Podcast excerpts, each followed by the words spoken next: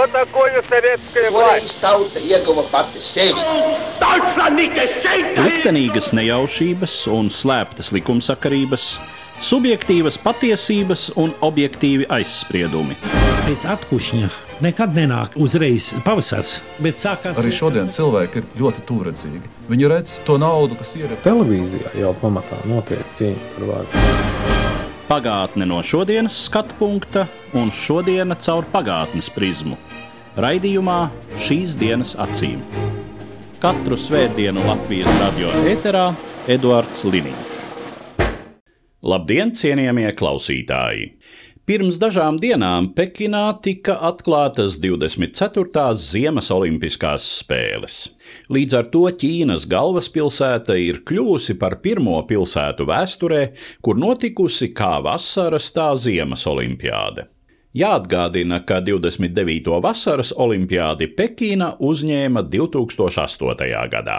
Taču kā toreiz, tā vēl jo vairāk tagad, cauri visus vienojošās, godīgās un mierpilnās sporta sacensības fanfarām, izskan Ķīnas oficiālajai varai netīkami atgādinājumi par to, ka Olimpiskās spēles uzņem valsts, kurā valda represīvs totalitārs režīms, stingra cenzūra un jebkāda kādu publisku izpausmju kontrole, etniskās un reliģiskās minoritātes piedzīvo asimilāciju un varmācīgu unifikāciju. Ķīna kaut kļuvusi par globālu ekonomisko lielvaru, joprojām vismaz formāli saglabā uzticību totalitārā komunisma dogmām. 2008. gada Pekinas Olimpiādas spožumu visvairāk aptumšoja protesti Tibetas autonomajā apgabalā, kas pārauga vardarbīgos nemieros pēc tam, kad Ķīnas policija un armija vērsās ar spēku pret mierīgiem demonstrantiem un sāka arestēt budistu mūkus un mūķenes, kuri bija protestu aizsācēji. Kā zināms, līdz 1950. gadam Tibeta bija faktiski neatkarīga valsts, lai gan starptautiski tika uzskatīta par Ķīnas sastāvdaļu. Ķīnas komunisti, uzvarējuši pilsoņu karā, atjaunoja kontroli arī Tibetā, gan sākotnēji apņemoties respektēt kultūrāli un etniski atšķirīgā reģiona autonomiju. Šīs apņemšanās gan neatiecās uz robežrajoniem, kuri formāli neietilpa Tibetas autonomijā, bet kurus tāpat apdzīvoja etniskie tibetieši. Varmācīga kolektivizācija, sagraujot šo rajonu iedzīvotāju tradicionālo lopkopju dzīvesveidu, kļuva par iemeslu nemieriem, kuri 1959. gadā pārsviedās arī uz Tibetas pamatteritoriju. Sacelšanās rezultātā Tibetas garīgais un līdz tam arī politiskais līderis 14. Dalai Lama devās trimdā, un Tibeta nonāca daudz ciešākā komunistiskās Ķīnas varas kontrolē. 1959. gada notikumu atcere kļuva par katalizatoru 2008. Gada protestiem Tibetā. Šie notikumi iezīmēja lūzuma punktu arī tobrīd 33 gadus vecā tibetieša Dhondupa Vančēna liktenī. Dzimis Tibetas austrumu nomalē, netālu no Indijas robežas, Dhondups kopš jaunības bija iesaistīts nelegālā robežas šķērsošanā. Tie, kuriem viņš šādi izlīdzēja, bieži vien devās uz Indiju, lai apmeklētu 14. Dalai Lāmas trimdas rezidenci un saņemtu garīgā līdera svētību. Kontakti ar viņiem pamazām pievērsa zemnieku zēnu pretestības kustībai, kas savu apogeju sasniedza 2008. gadā, kad Dhondups Van Kčens kopā ar budistu mūku Gologu Džigme Tibetas galvaspilsētā Lhasā ierakstīja video interviju intervijas ar 108 tibetiešiem, kuri stāstīja par faktisko stāvokli Tibetā. Uzfilmētais materiāls tika nelegāli nogādāts pāri robežai, samontēts un izplatīts pasaulē ar nosaukumu Atmetot bailes. Sekoja filmas veidotāju arests, spīdzināšana, tiesa un vairāk nekā pieci gadi Ķīnas cietumā. Pēc atbrīvošanas Dhondups Van Kčens nelegāli izceļoja no Ķīnas un kopš tā laika ir tibetiešu tiesību aizstāvis pasaulē. Janvāra otrajā pusē Dhondups Van Kčens apmeklēja Latviju, lai tiktos ar politiķiem, sabiedriskajiem aktīvistiem un presi un atgādinātu par Tibetas situāciju laikā, kad Olimpiādas sakarā pasauli jau atkal pārskan Pekinas valdības izskaistinātais propagandas vēstījums. Tikāmies ar tibetiešu brīvības cīnītāju Latvijas radio studijā. Mūsu sarunu ar angļu tibetiešu tulkojumu nodrošināja tulks Tetongs Tenzins Vangpo. Pastāstiet mazliet par savu izcelsmi. Kā jauns puisis no Tibetas provinces kļuva vispirms par filmu veidotāju un pēc tam par brīvības cīnītāju, un kā abas šīs lietas saistījās? Vai savu filmu radītāja un savas valsts brīvības cīnītāja ceļu jūs izvēlējāties vienlaicīgi? Uh, kuchak chini tsilang chong bari, ta nang zik naman mangbo yo cho, ane lo chan ru ma nyong we mi chi yin. Ta miksegi nirtong jini ngu zuwai na yao me ro sengdo. Ta nirtong jila ta Jā, jums taisnība.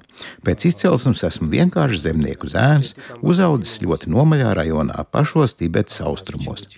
Ģimenē mēs bijām daudz bērnu. Man bija tipiska zemnieku zēna bērnība.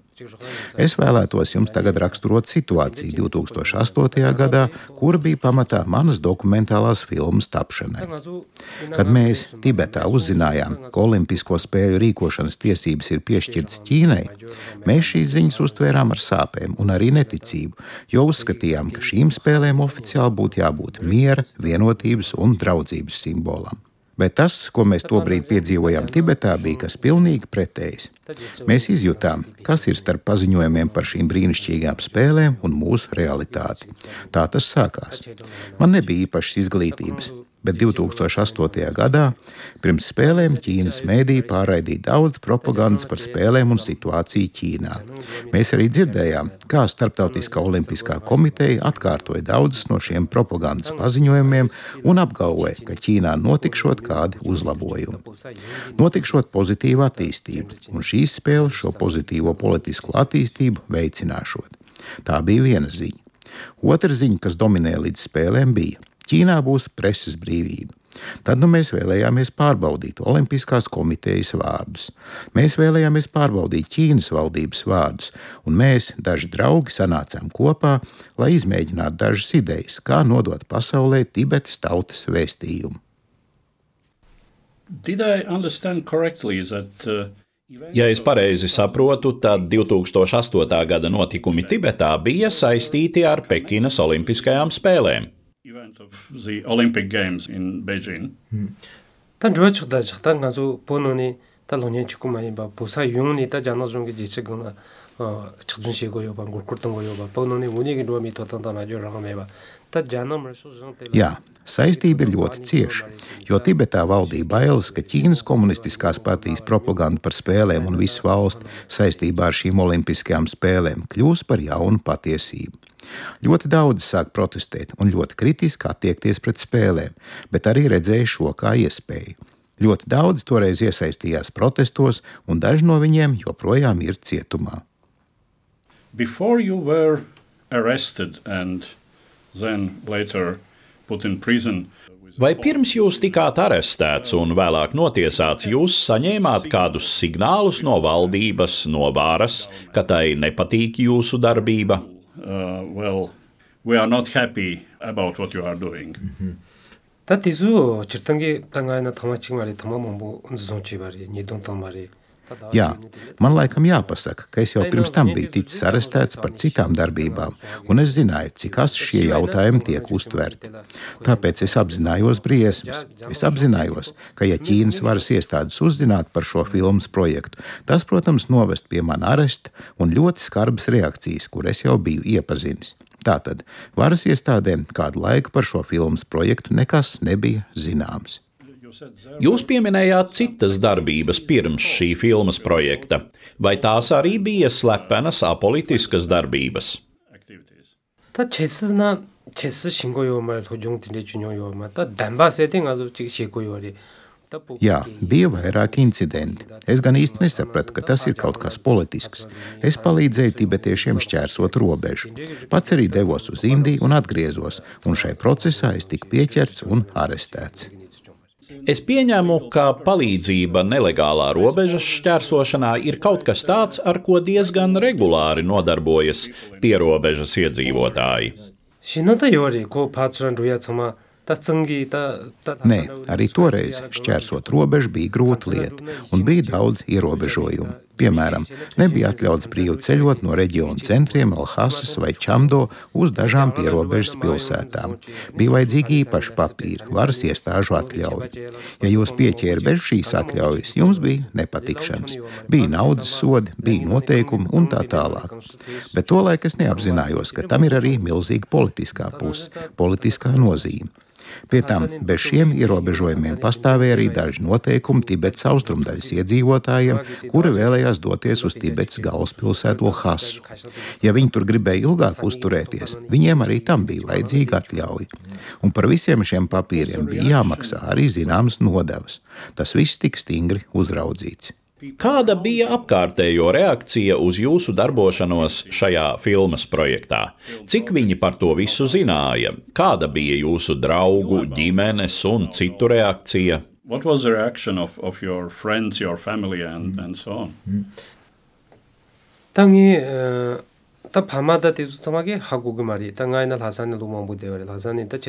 Mana ģimene un arī mani vecāki par šo filmu nezināja. Es atrados tālu, Lahasas pilsētā, viņi dzīvoja pavisam citur. Bet man tuvākie draugi bija līdz ar mani iesaistīti šajā projektā un visu zināja. Jāsaka, savu sievu, savus bērnus es dažus gadus agrāk biju pārvedis uz Indiju, lai tad, ja es iesaistītos šādā darbībā, vara nevarētu vērsties pret viņiem. Es vēlētos, lai jūs raksturotu situāciju Ķīnas cietumā.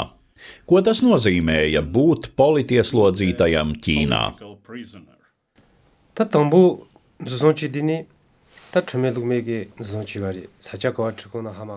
Vispirms, kad mani arestēja, mani ievietoja īslaicīgās aizturēšanas vietā. Manai ģimenei un draugiem nebija nekādas nojausmas, kur es esmu. Man galvā uzmauts tumšas drānas maisu, plaukst locītavs saslēdz roku dzelžos. Lai no roku dzelžiem nepaliktu ievainojami, locītavs arī aptina ar drānu. Tad viņi man piesēja pie koka sola vai krēsla un sāka sist. Tāpat manu kaklu sita ar elektrošoku. Konkrēti jautājumi patiesībā nebija, tikai pieprasījumi no viņa puses. Stāstiet mums visu, ko zināt, stāstiet mums patiesību. Šis bija vienīgais jautājums, un tas viss ilga septiņas dienas. Tad astoņas diennakts ilga tiesas process, uz kur neļāva ierasties manam advokātam, un man piesprieda sešu gadu cietuma sodu. Man pārved uz darba nometni, kur man bija jāstrādā nodaļā, kur šūnu formas starp Afganistānas, Irākas un Irānas armijām. Jāstrādā bija 15 stundas dienā, ļoti daudz darba. Politieslodzītajiem papildus stress bija mēneša atzīšanās sesijas. Šajās sesijās politieslodzītajiem tibetiešiem tika pieprasīts atteikties no saviem agrāk paustajiem uzskatiem, kas, protams, tibetiešiem bija ļoti smaga prasība. Ja nepaklausīja, tad sita un atkal spīdzināja. Daudz no tibetiešu politieslodzītajiem tika savainoti, cietumā saslim, un daudz no viņiem pēc atbrīvošanas pāragri aizgāja mūžībā. Tieši tik smagi ir situācija politieslodzītajiem. 강해 말이 제수성바 너무 가능진 다 강해 먹고 지태고요. Vai politieslodzītie tiek turēti kopā ar parastajiem noziedzniekiem?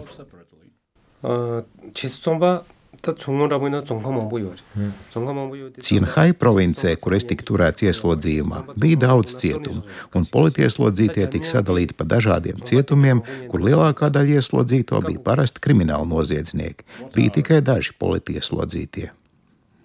Kādas bija attiecības starp abām šīm ieslodzīto kategorijām? those two categories.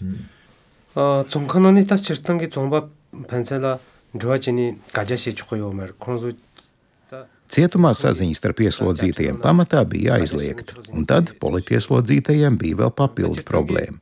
Parastajiem noziedzniekiem bija iespēja izpelnīties ātrāku atbrīvošanu par centīgu darbu. Politieslodzītajiem tādu tiesību nebija. Šai ziņā politiskie bija diskriminēti. Jāsaka, ja palast cietuma noteikumus, tad faktiski visiem ieslodzītajiem vajadzēja būt vienādos apstākļos, bet realitātē bija citādi. Un galvenais iemesls bija tas, ka Ķīnas valdība, komunistiskās partijas propaganda un arī savu veidu noteikumu un regulējums automātiski radīja bargāku attieksmi pret politieslodzītajiem. Piemēram, bija īpaši cilvēki, kur uzdevums bija tieši mūs pieskatīt, bija ziņotāji. Ja pie mums atbrauc radinieki, mēs drīkstējām sarunāties tikai caur stikla sienu ar telefonu palīdzību. Šī saruna tika vērota, un viņi fiksēja tās saturu. Vēl viens diskriminācijas elements bija saraksts aizliegums. Politieslodzīto dzīve cietumā bija grūta. 다 그저 자천통이 띠 정말 요즈고리 도당라닝이 정바전 단나제 다 제스 정바기 단적다 띠 띠다 할이 슈침부리 넣는 따는제 요리 Talking about uh, situation in in Tibet now, the last let's say five, maybe even ten years, uh, we we have had little about. Runājot par situāciju Tibetā, nu jau kādus piecus, varbūt pat desmit gadus, mēs maz dzirdam par kādu tibetiešu pretestību. Daudz vairāk dzirdams par Hongkongu, par Sīņģaņas iedzīvotājiem. Kāds tam ir iemesls? Quite little about Tibet. What, what is the, uh, the reason? Tanirton jiki jila tapoti 다 종간나신 척발이 단 정도 조선 순기 순나 단적지야 다나진 보기다 취르기종 뒤도 잠에 땅야 Pēc 2008. gada Tibetā notika attīstība, ko var raksturot kā visas Tibetas pārvēršana par cietumu. Spiediens uz tibetiešu tautu ārkārtīgi pieauga. Laikā no 2008. līdz 2019. gadam vairāk kā 160 tibetieši ir veikuši pašaizdedzināšanos, protestējot pret šo situāciju. Diemžēl starptautiskā sabiedrība nav pievērsusi šiem faktiem sevišķu lielu uzmanību. Kopš 2019. gada mēs redzam, ka Ķīnas līderis Sīdziņpins tagad Tibetā īsteno jaunu politiku. Viņš ir sācis rīkoties kā otrs Maudzeduns, un viņa politikā ir skaidri teikts, ka Tibetas identitāte ir jāiznīdē. Tas ir ticis deklarēts publiski. Tas, ko mēs tagad redzam, ir cīņa pret tibetiešu izglītības darbiniekiem, Tibetas kultūras aktīvistiem. Tas rada milzīgus draudus Tibetas kultūras izdzīvošanai, un tas ir viens, ko mēs redzam. Otrs ir spiediens pret tibetiešu nomadiem, kur dzīvo tradicionālo īsteno tibetiešu dzīvesveidu. Viņi tiek marginalizēti, spiest pārcelties uz pilsētām, nometināti citās vietās. Tas arī ir kaut kas tāds, kas tiek īstenots ārkārtīgi sistemātiski un plānveidīgi. Like to to quite, um, es gribētu pārliekt uz ļoti vispārīgu jautājumu. Vai jūs vispār saskatāt kādu nākotni Tibetai, jeb kādas Ķīnas valsts sastāvā? Tā jāna jirwa chimbu chik ma shong bayna, 단다가 니탄티나 다 할위 크부치 치요리 Kamēr Ķīnā valdīs komunistiskā partija, ir ļoti grūti iedomāties kādu situācijas uzlabošanos. Ja jūs lasāt Ķīnas konstitūciju vai kādas oficiālās sistēmas interpretācijas, tad tur ir minēta autonomija reģiona, autonomija tai un citai etniskajai grupai. Taču realitāte ir pavisam cita, un es šaubos, ka ar šo Ķīnas komunistisko partiju pie varas varētu pastāvēt kāds risinājums. Ir jānotiek milzīgām pārmaiņām, citādi būs ļoti smagi. Šobrīd, raugoties nākotnē, man jāsaka, ka esam ļoti smagā situācijā. The essence of my question was, well, Tibetans is, in comparison with Chinese, mm. a minor nation. So, uh, Mana jautājuma būtība varētu būt tāda: tibetieši, salīdzinot ar ķīniešiem, ir neliela nācija. Šķiet, ka nozīmīga problēma ir iespējama asimilācija lielākajā etniskajā ķīniešu nācijā. Tās ir briesmas, kas varbūt nav tieši saistītas ar kompartijas varu, bet būtībā ar milzīgas nācijas un salīdzinoši mazas nācijas attiecībām un līdzās pastāvēšanu vienā valstī.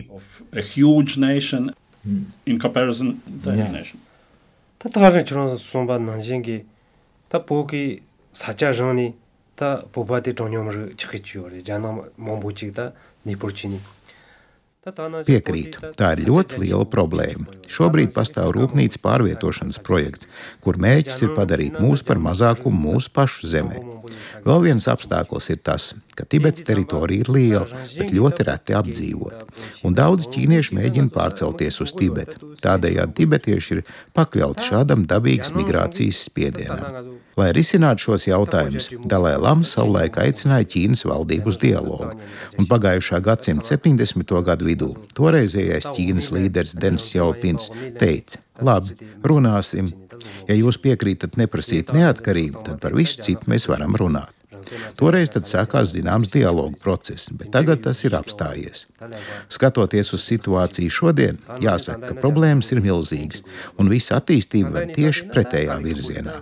Tā kā ir skaidrs, ka bez izmaiņām Ķīnā, vai tās nāk no sabiedrības vai no valdības puses, Tibetai būs ļoti grūti.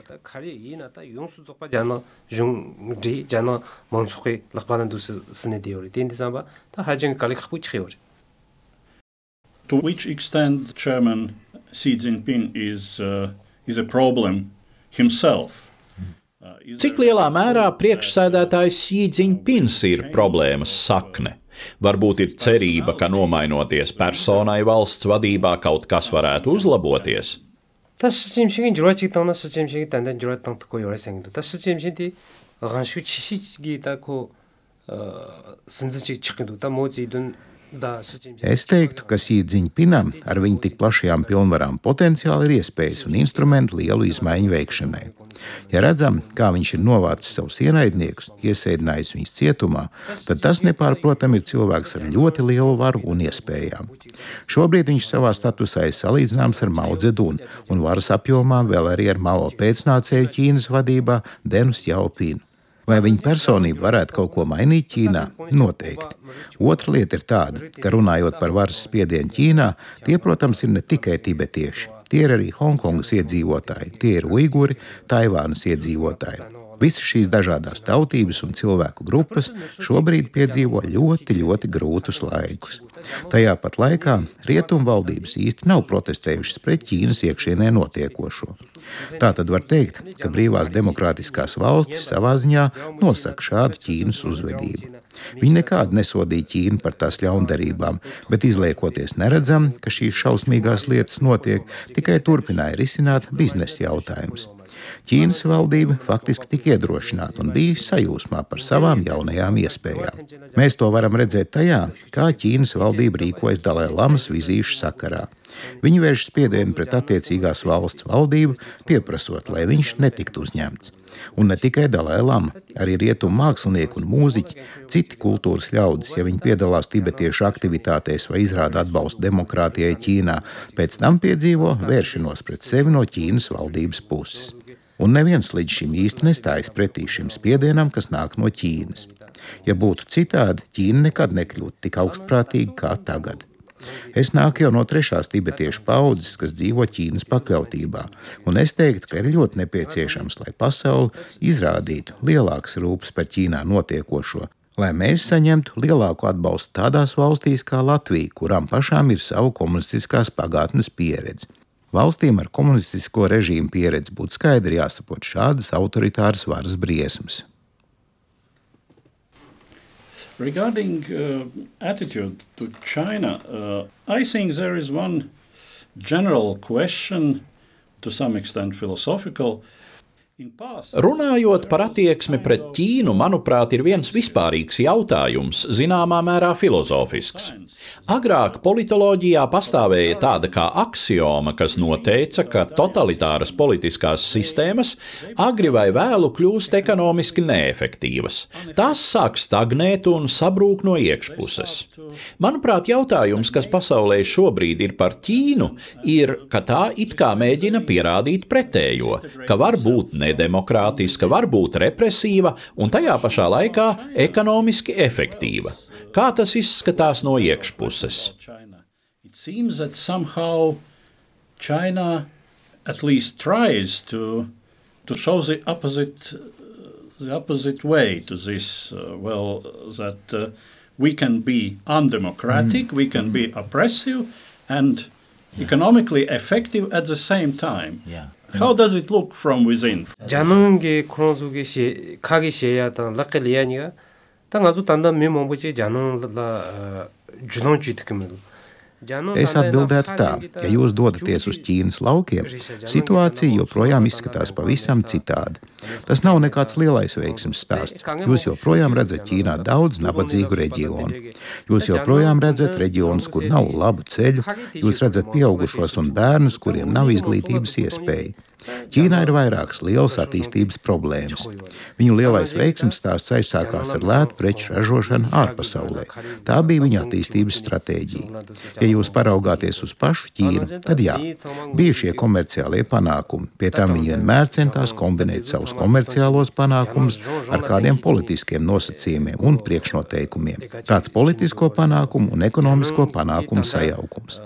Nesen Ķīnā notika tautas skaitīšana, un dati nav ļoti skaidri. Taču pilnīgi noteikti var sacīt, ka 2000. gadā Ķīna pasludināja dažus mērķus 2020. gadam, un tā šos mērķus nav sasniegusi. Tātad, jā, attīstība ir, taču nav gluži pareizi teikt, ka viņi sasniedz ikvienu savus attīstības mērķi. 담반이분이 또 제덕지 진이 용발이 단다이나 디 제지텔라 레트고 요 말이 summarizing all, all we are uh, talking about. Uh, Rezumējot visu runāto, kā jūs redzat savas tautas tibetiešu nākotni, teiksim, 10 vai 20 gadu perspektīvā? Kādas ir cerības un kādi ir reālie pieņēmumi? 20 years perspective. What are the hopes and uh, what are the real assumptions?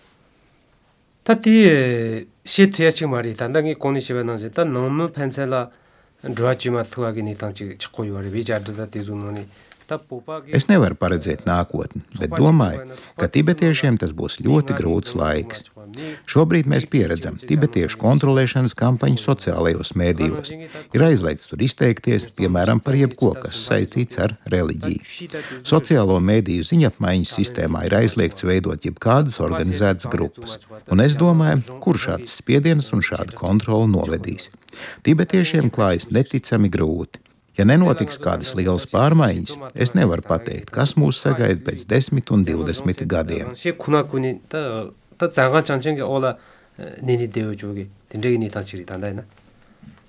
What can be done more and better by uh, Ko vairāk un labāk rietumu demokrātijas varētu darīt Tibetas labā?